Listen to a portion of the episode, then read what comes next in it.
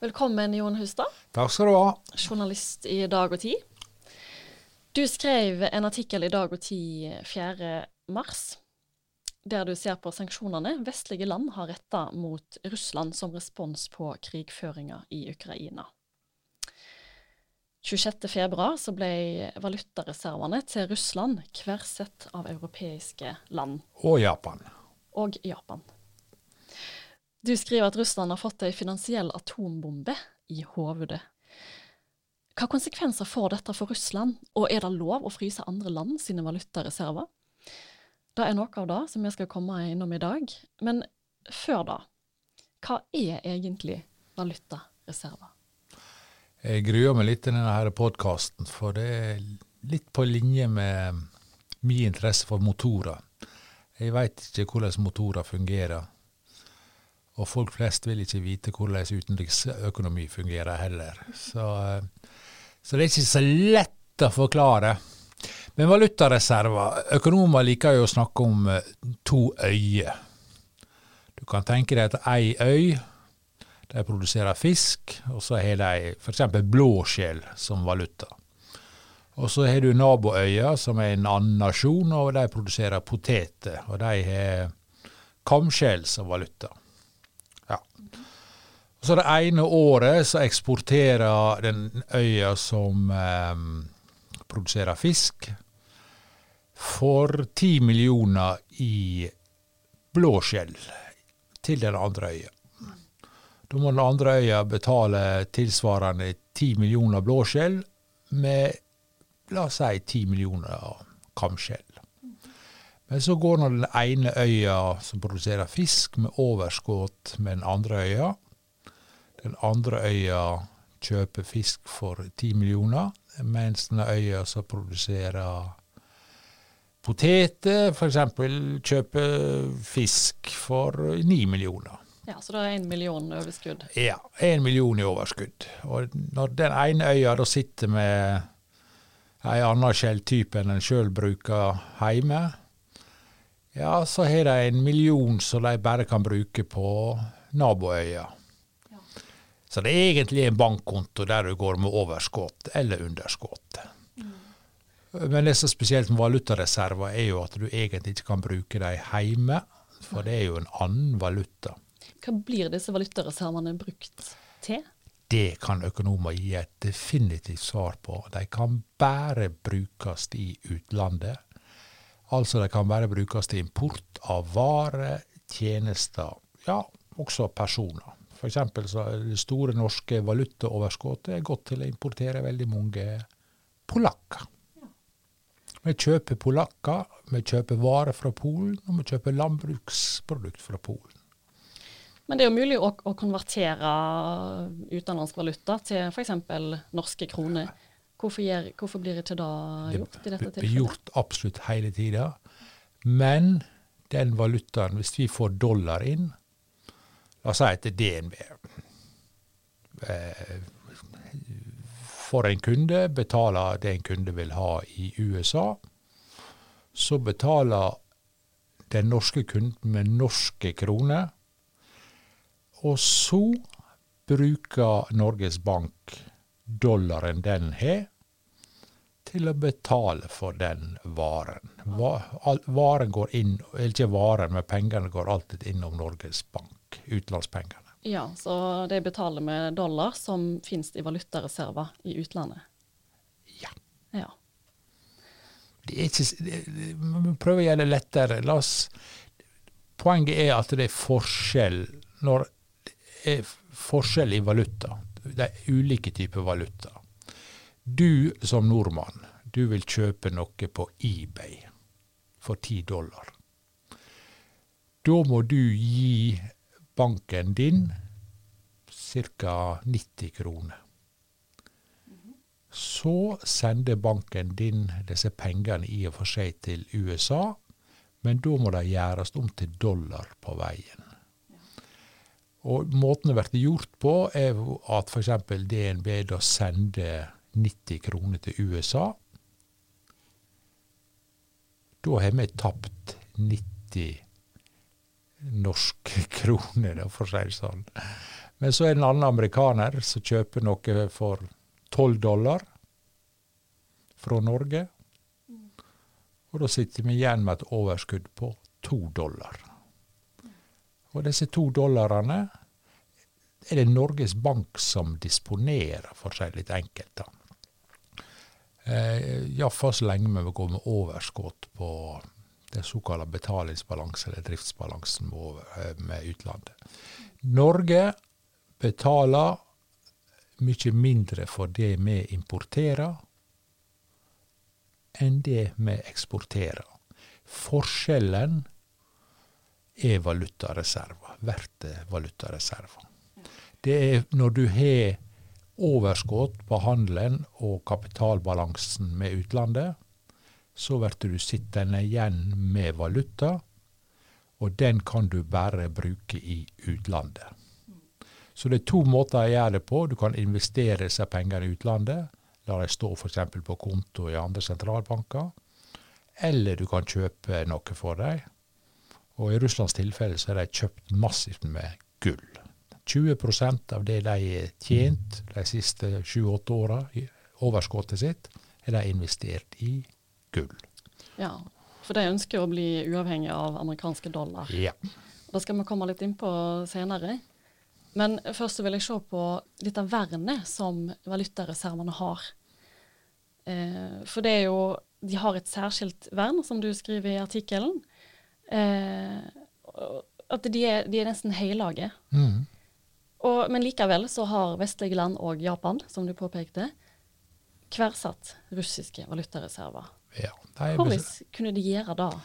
Fordi alle disse investeringene som Russland har i utlandet, som den russiske sentralbanken har i utlandet, fordi Russland har gått med overskudd med handelen og kapitalbalansen med utlandet, har den russiske sentralbanken enten måttet lage gull av, eller ikke lage det, men kjøpe gull for, eller investere i utlandet.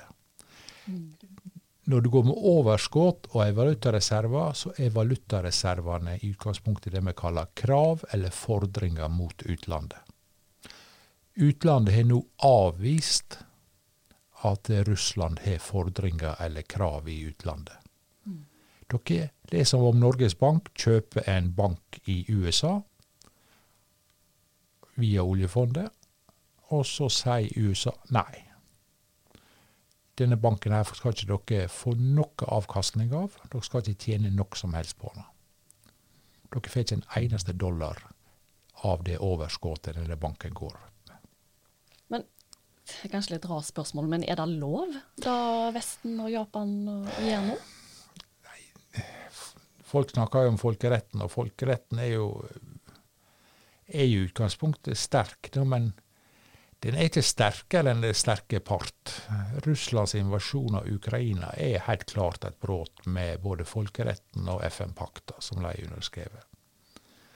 Og da mener Vesten og Japan at de har en legitim rett til å svare med motmakt. Og motmakta de bruker, er å ta valutareserven til Russland i utlandet. I tillegg så har de langt på vei gjort det umulig for Russland å bruke de 132 milliarder dollarene de har i gull i kjelleren i Moskva. Hvorfor det? Ja, en, eh, det er jo sånn at hvis Putin ringer meg og sier at han vil kjøpe noe fra meg som Russland trenger, og så sier han at han vil betale med gull, og så svarer jeg tilbake ja, men hvordan skal jeg få tak i det gullet da? Det går ikke fly ut av Russland, og det er ikke akkurat sånn at skipstrafikken ut av Russland er særlig aktiv for tida. Og så sier Putin til meg nei, men du får det når eh, sanksjonene er over. Du tror ikke på Putin da. Nei, det gjør jeg ikke det. Og det, dermed så er disse gullreservene låst, og i tillegg så USA nå nettopp passert eh, Eller det kommer et vedtak i eh, Kongressen om at den som kjøper gull fra Russland, eller tar imot gull fra Russland som betaling, møter alle de vonde restriksjonene som tenkes kan. Du får ikke tilgang til dollar. Så rundt omkring i verden så vet enhver idiot nå at eh, russisk gull det er, det er smittefarlig. Ja, ubrukelig. Ja, i praksis er det ubrukelig. Ja, de kan jo fly nok til Zimbabwe eller noe sånt, men i den skalaen som de russiske gullreservene er 132 milliarder dollar, så er det egentlig klin umulig å bli kvitt dem. Mm. Men eh, ja, som vi vet, så gikk Russland til angrep på Ukraina, og så kommer disse sanksjonene. Og så ble valutareservene fryste av vestlige land og, ja. vestlige land og Japan. Eh, hadde Russland forventa at det skulle skje? De hadde nok forventa at USA iallfall ville leike seg med tunken. For det spesielt etter 2018, da, eh, da Donald Trump gikk etter sju oligarker som sto nær uh, Putin for sitat vondarta aktiviteter verden over. Så for å i praksis stengte disse sju oligarkene ute fra alt som hadde med dollar å gjøre. Så trekte Russland ut nesten alle sine valutareserver fra USA de de hadde stående f.eks.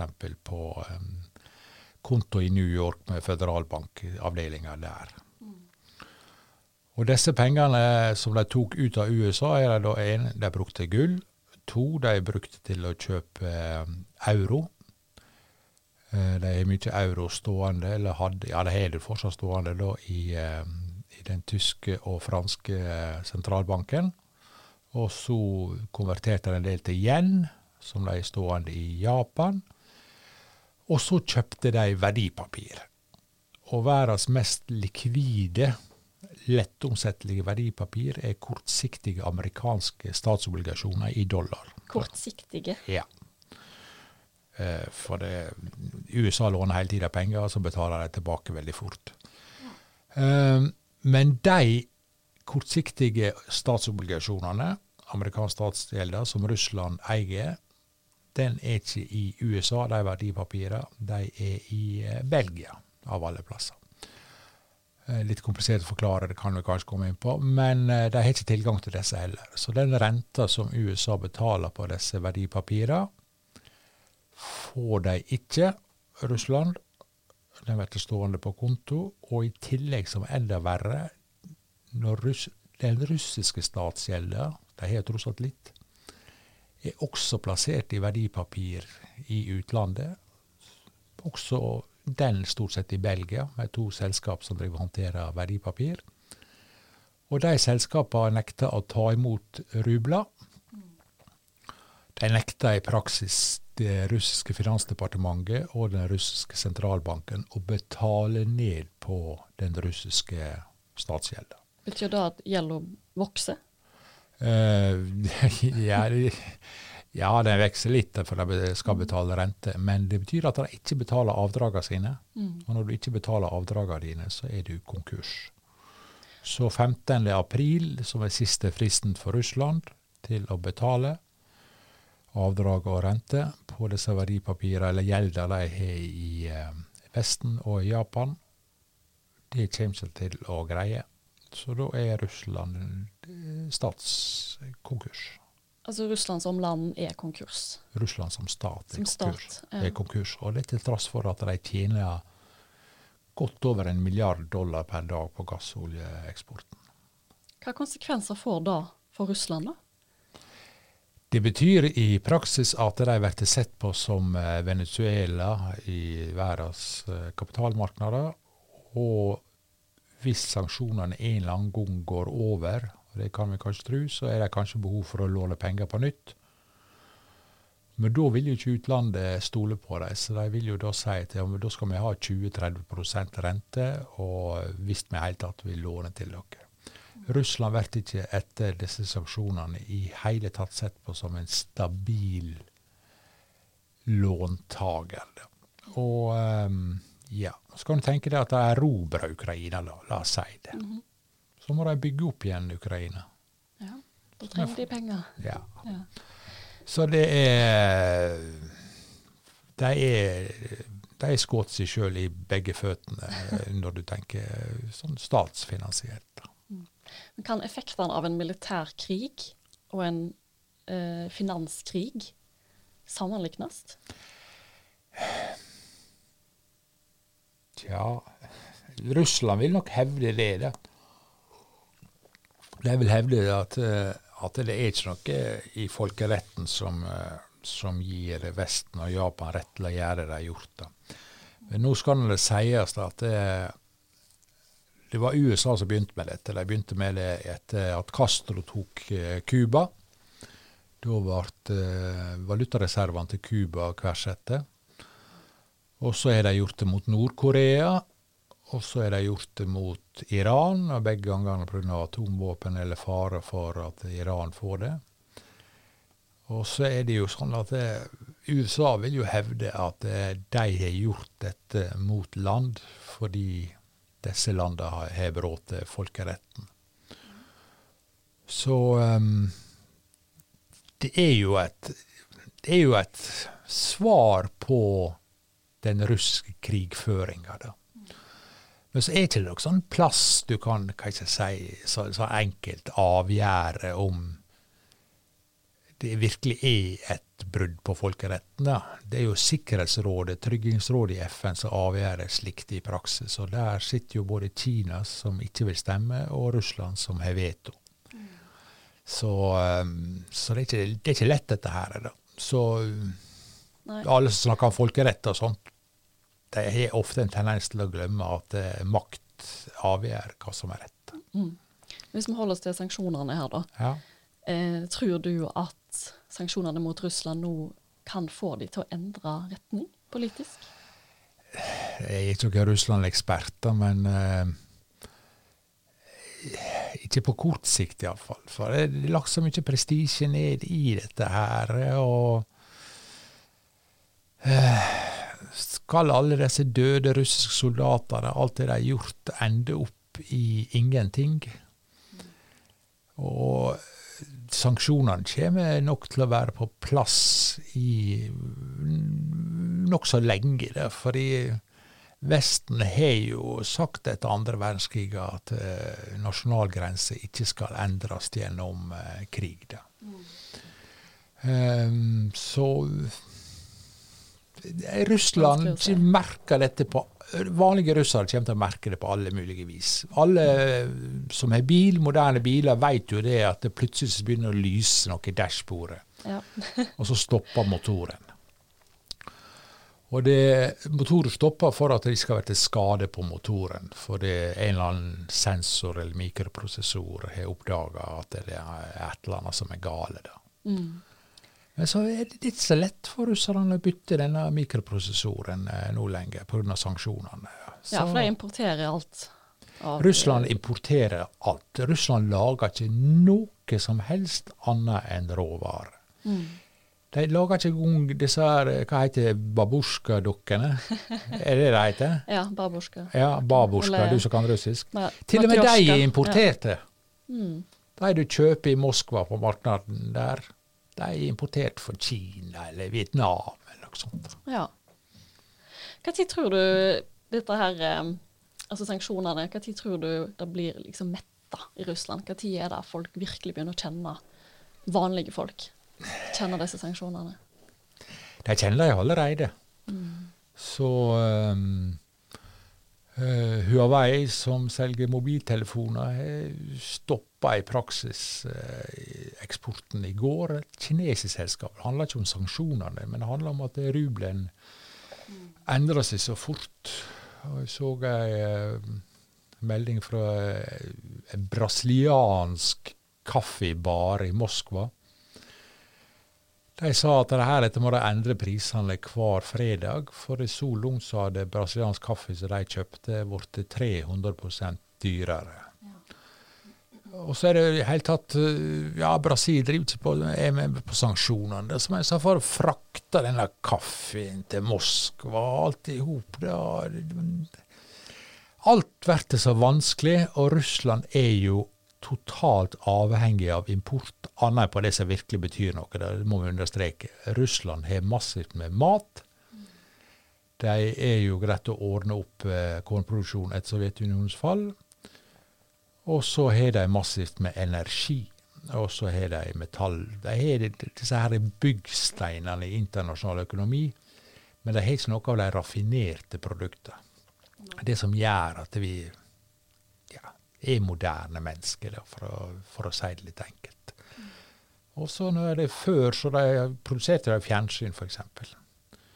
Så da var satt det kanskje en vaktmester nede i første etasje som hadde peiling, og det var enkelt å reparere disse dårlige sovjetiske fjernsynene. Men nå, eh, nå er det ikke noen vaktmester som kan drive og skru en mikroprosessor sammen nede i kjelleren i, i eh, bygget i Moskva.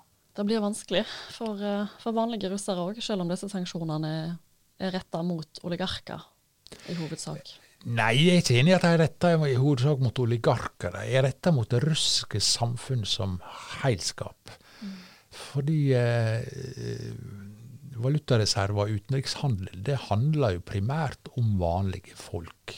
Eh, Kjell Inge Røkke eh, har store, fine biler og mye rart har han fått fra utlandet. Men alle nordmenn har massivt med ting fra utlandet. Og disse tingene er blitt mye vanskeligere å få tak i for russere. Hvis vi ser litt uh, på Kina. De uh, produserer jo masse teknologi, blant annet, eh, og de har ikke sanksjoner mot Russland. Hva slags rolle kan Kina komme til å få, tror du, uh, for et Russland som er overlessa av sanksjoner? Bloomberg, dette internasjonale finansselskapet og finansnettsider som finansfolk hele tida bruker, de fortalte at uh, på tirsdag at uh, Kina er nå i forhandlinger om å kjøpe seg opp i russiske energiselskaper. Sånn som Gazprom var jo i sin tid verdens mest verdifulle selskap notert på en børs. Eh, det var snakk om at det var det første selskapet i verden som kom til å være mer verdt enn én billion dollar. Og før uh, Ukraina-krisa så var de på ja, en tiendedel av verdien av det de var på topp. Og nå er jo de i praksis Det er jo ikke børsen, børsen i Moskva er fortsatt stengt, og de blir ikke handla med i Vesten. Så Kina kommer til å kjøpe nå etter alt å dømme opp eh, russisk energi og russiske råvareprodusenter for en billig penge. Mm. Eh, og spesielt du, fordi russiske selskap ikke har noen måte å betale gjelda si på i Vesten. Mm. Så de blir nødt til å selge? Nødde blir ikke det, men eh, det er jo sånn at eh, hvis russisk oljeeksport går ned, og det har jo den gjort da etter krigen, så er det jo sånn at de må begynne å stenge brønner etter hvert. Og når du stengte en brønn, oljebrønn, så er det ikke så lett å åpne den igjen heller. Det, det er masse problem der. Og så helt siden Krim så er jo Vesten eh, nekta å selge oljeteknologi til, til Russland. Uh, som igjen har gjort det stadig vanskeligere å produsere, da, vedlikeholde og åpne nye kilder. Og så er det jo sånn at uh, gassen den går i hovedsak til Europa. Det er snakk om, det er ikke mye de kan sende til Kina. Men de kan jo selvsagt bygge rørledninger der, og da sitter jo Kina med bukta i begge endene. Ja. Uh, så de er i ferd med å bli veldig avhengige av Kina. Og Kina har jo tross alt en god del teknologi som de produserer sjøl, som ikke er beskytta av amerikanske patent. Mm. Og den teknologien må jo uh, Russland da importere fra, fra, Kina for å helt tatt fortsette å være moderne. Så de satser de satser i ei røversaks her, altså. Ja. Skårfeste. Nå har vi snakka masse om hva konsekvenser sanksjonene får for Russland. Men hva med, med oss og Vesten? Vi er jo òg avhengig, eller flere land har jo gjort seg avhengig av russisk olje og gass. Eh, mat, altså råvare. Ja, nei, det, dette her eh, går nok ikke bra. Fordi eh, 30 av verdens kveiteproduksjon, eksport, unnskyld, eh, går jo via Svartehavet. Og de har ikke tatt Odessa ennå, den største mm. eksporthavna, men det gjør jo de nok snart, russerne. Eh, I tillegg så er jo Russland en storprodusent av kunstgjødsel. Og Yara, som er verdens største kunstgjødselselskap, er jo helt avhengig av gass for å lage ammoniakk, som er grunnlaget for kunstgjødsel. Og Yara er også avhengig. Det er to ting Yara er avhengig av. Det er norsk, som vi alle vet, var tidligere Norsk Hydro. Det er gass og strøm. Og begge de delene er jo blitt fryktelig dyrt, og det var jo dyrt på førehånd. Og nå er det blitt enda mye dyrere. Så da er det vanskelig for Yara å opprettholde produksjonen sin. De har redusert produksjonen sterkt. Mens verden skriker etter kunstgjødsel for å kunne dyrke mer, fordi eh, faktisk er all Hvis du tar verdens samla kornproduksjon, sett vekk fra ris, da, så er um, Ukraina og Russland de står for 25% av produksjonen. Mm. Og før, uh, under kommunismen, så var jo um, så måtte de stort sett importere korn veldig ofte. Men det endra seg dramatisk. Så Ukraina og Russland er blitt sånn som det var før den russiske revolusjonen. De er blitt kornkammer for verden. Mm. Og det får enorme konsekvenser. Og så i tillegg så er det kunstgjødsel er blitt så dyrt at fattige folk rundt omkring har ikke råd til å kjøpe det inn. Så her blir det ja, økonomisk tilbakegang i, eh, i, Vesten. fordi når det er mindre tilbud av ei vare, så må prisen gå kraftig opp. Og går prisen høyt nok opp, så, eh, så må bedrifter lukke. Og så Nei, det er ikke så lystige utsikter. Det ser du på aksjemarkedene også. Det, det, det, de, de, tror ikke at det går over helt med det første, nei. Har vi i Vesten òg skjøt oss litt eh, i foten med disse sanksjonene?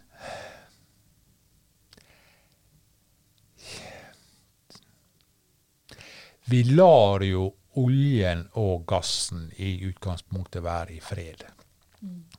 Men så er det jo slik at uh, verdens, uh, iallfall de vestlige selskapene, er jo veldig, blitt veldig mye mer opptatt nå enn tidligere av hvordan de framstår. Så Mersk, som er verdens største containerselskap og ja, rederi, eh, de nekter nå å seile på Russland. Det er masse av eh, tankrederiselskaper i verden som nekter å hente russisk olje. Uh, og så er det jo dette her, Han kan jo også spørre seg ja, Russland får betalt for oljen og energien som Vesten og Europa og Japan kjøper fra dem, fortsatt. Men det er ikke så lett for Russland å bruke dette overskuddet heller i Vesten. For det er lagt så mange hindringer i veien. Så de får jo, de får jo fortsatt vanvittig mengde med dollar, men spesielt euro. Men hva skal de bruke dem til? Det for De vet jo nå at, at utlandet mm. beslaglegger valutareservene med en gang de reinvesterer dem. Så, så, dette her er, det, det avhenger av at det går veldig fort over tror du de gjør da? Nei, har du sagt A, så har du sagt B. Altså, det er Når du ser hvordan Ukraina vært, eh, er nå ødelagt for uh, tusenvis av milliarder norske kroner. Og uh, hvem skal betale for dette, om ikke Russland? Men ser vi for oss at Russland skal betale for ødeleggingene de gjennomførte i Ukraina? Det, det, det, er virkelig en russisk mentalitet, for å si det litt uh, vel generaliserende. Altså. Det er det, Og da er det slik at Vesten nok uh, kommer til å holde fram med sanksjonene nokså lenge. og det, og det blir vanskelig for Russland over år å vedlikeholde sin produksjonskapasitet også av energi. Eh, og, så det er, en, det er en spiral jeg har vansker for å se hvordan vi skal komme oss ut av det. Mm. Er Vesten tydelige på hva Russland må gjøre for at sanksjonene skal stoppe? Nei, der har de vært relativt utydelige. Da. Men eh, de sier jo at alle krigshandlinger må opphøre, og de må rette seg til folkeretten. og Det betyr jo en at Russland må trekke seg ut av Ukraina, men de må også trekke seg ut av Krim og ut av mm. Øst-Ukraina, der de har vært nå eh, lenge. Og at Russland skal gi opp Krim det, det ja, Gir Putin opp Krim, så gir han eh, nesten livet sitt opp med det samme. Og både Odessa og Odessa ble jo grunnlagt av Katarina, og Krim er i utgangspunktet for Og Kiev er jo ja, For si litt enkelt, det var vikingene som grunnla Russland, og de gjorde det i Kiev, da. Det, og såkalt rus. Eh, så Skal få slippe å komme med Ja. hele historien. Ja. men, men Russland uten Krim Jeg ser bare ikke det føre meg. Så før eller seinere så tror jeg jo det blir noe sånt som at, eh, at Ukraina gir faktisk avkall på Krim. Og eh, formelt, og så eh, ja, Alt går jo over, for å si det sånn. Det tror iallfall vi nordmenn, da. Men uh, Palestina- og Israel-konflikten har jo vart siden 1948, så, så det Det kan bli noen tunge år framover. Ja, det kan det, men Vesten kommer til å komme seg ut av dette etter hvert. Vesten kommer nå til å investere mer i gass, f.eks., det er jeg helt sikker på. Og de vil finne andre kilder til veldig mye av det de trenger, enn en Russland. Så kanskje det blir mer samhandel mellom uh, Russland og Kina, men for Kina er ikke Russland så viktig. Er, for, for Russland er Kina veldig viktig. For, um, for Kina er mange andre vestlige markeder mye mer viktige. Nederland er større som eksportland for eh, Kina enn hva Russland er. Er det sant? Ja da, helt sant. Ja, det er utrolig. Jeg sitter ikke her og lyver. Nei. Jeg hører du skal få masse å skrive om i dag og tid eh, framover. Vi avslutter der, eh, Jon Hustad. Tusen takk for at du eh, var gjest her i Dag og Tid-podkasten. Takk skal dere ha. Du lytter til Dag og Tid-podkasten. Vil du lese artikkelen til Jon Hustad, 'Finanskrigen', så finner du ei lenke til den i beskrivinga til denne episoden. Og som alltid, har du tilbakemeldinger på podkasten vår, så send meg gjerne en e-post. Sofie krøllalfa dagogti.no. Takk for at du lytta.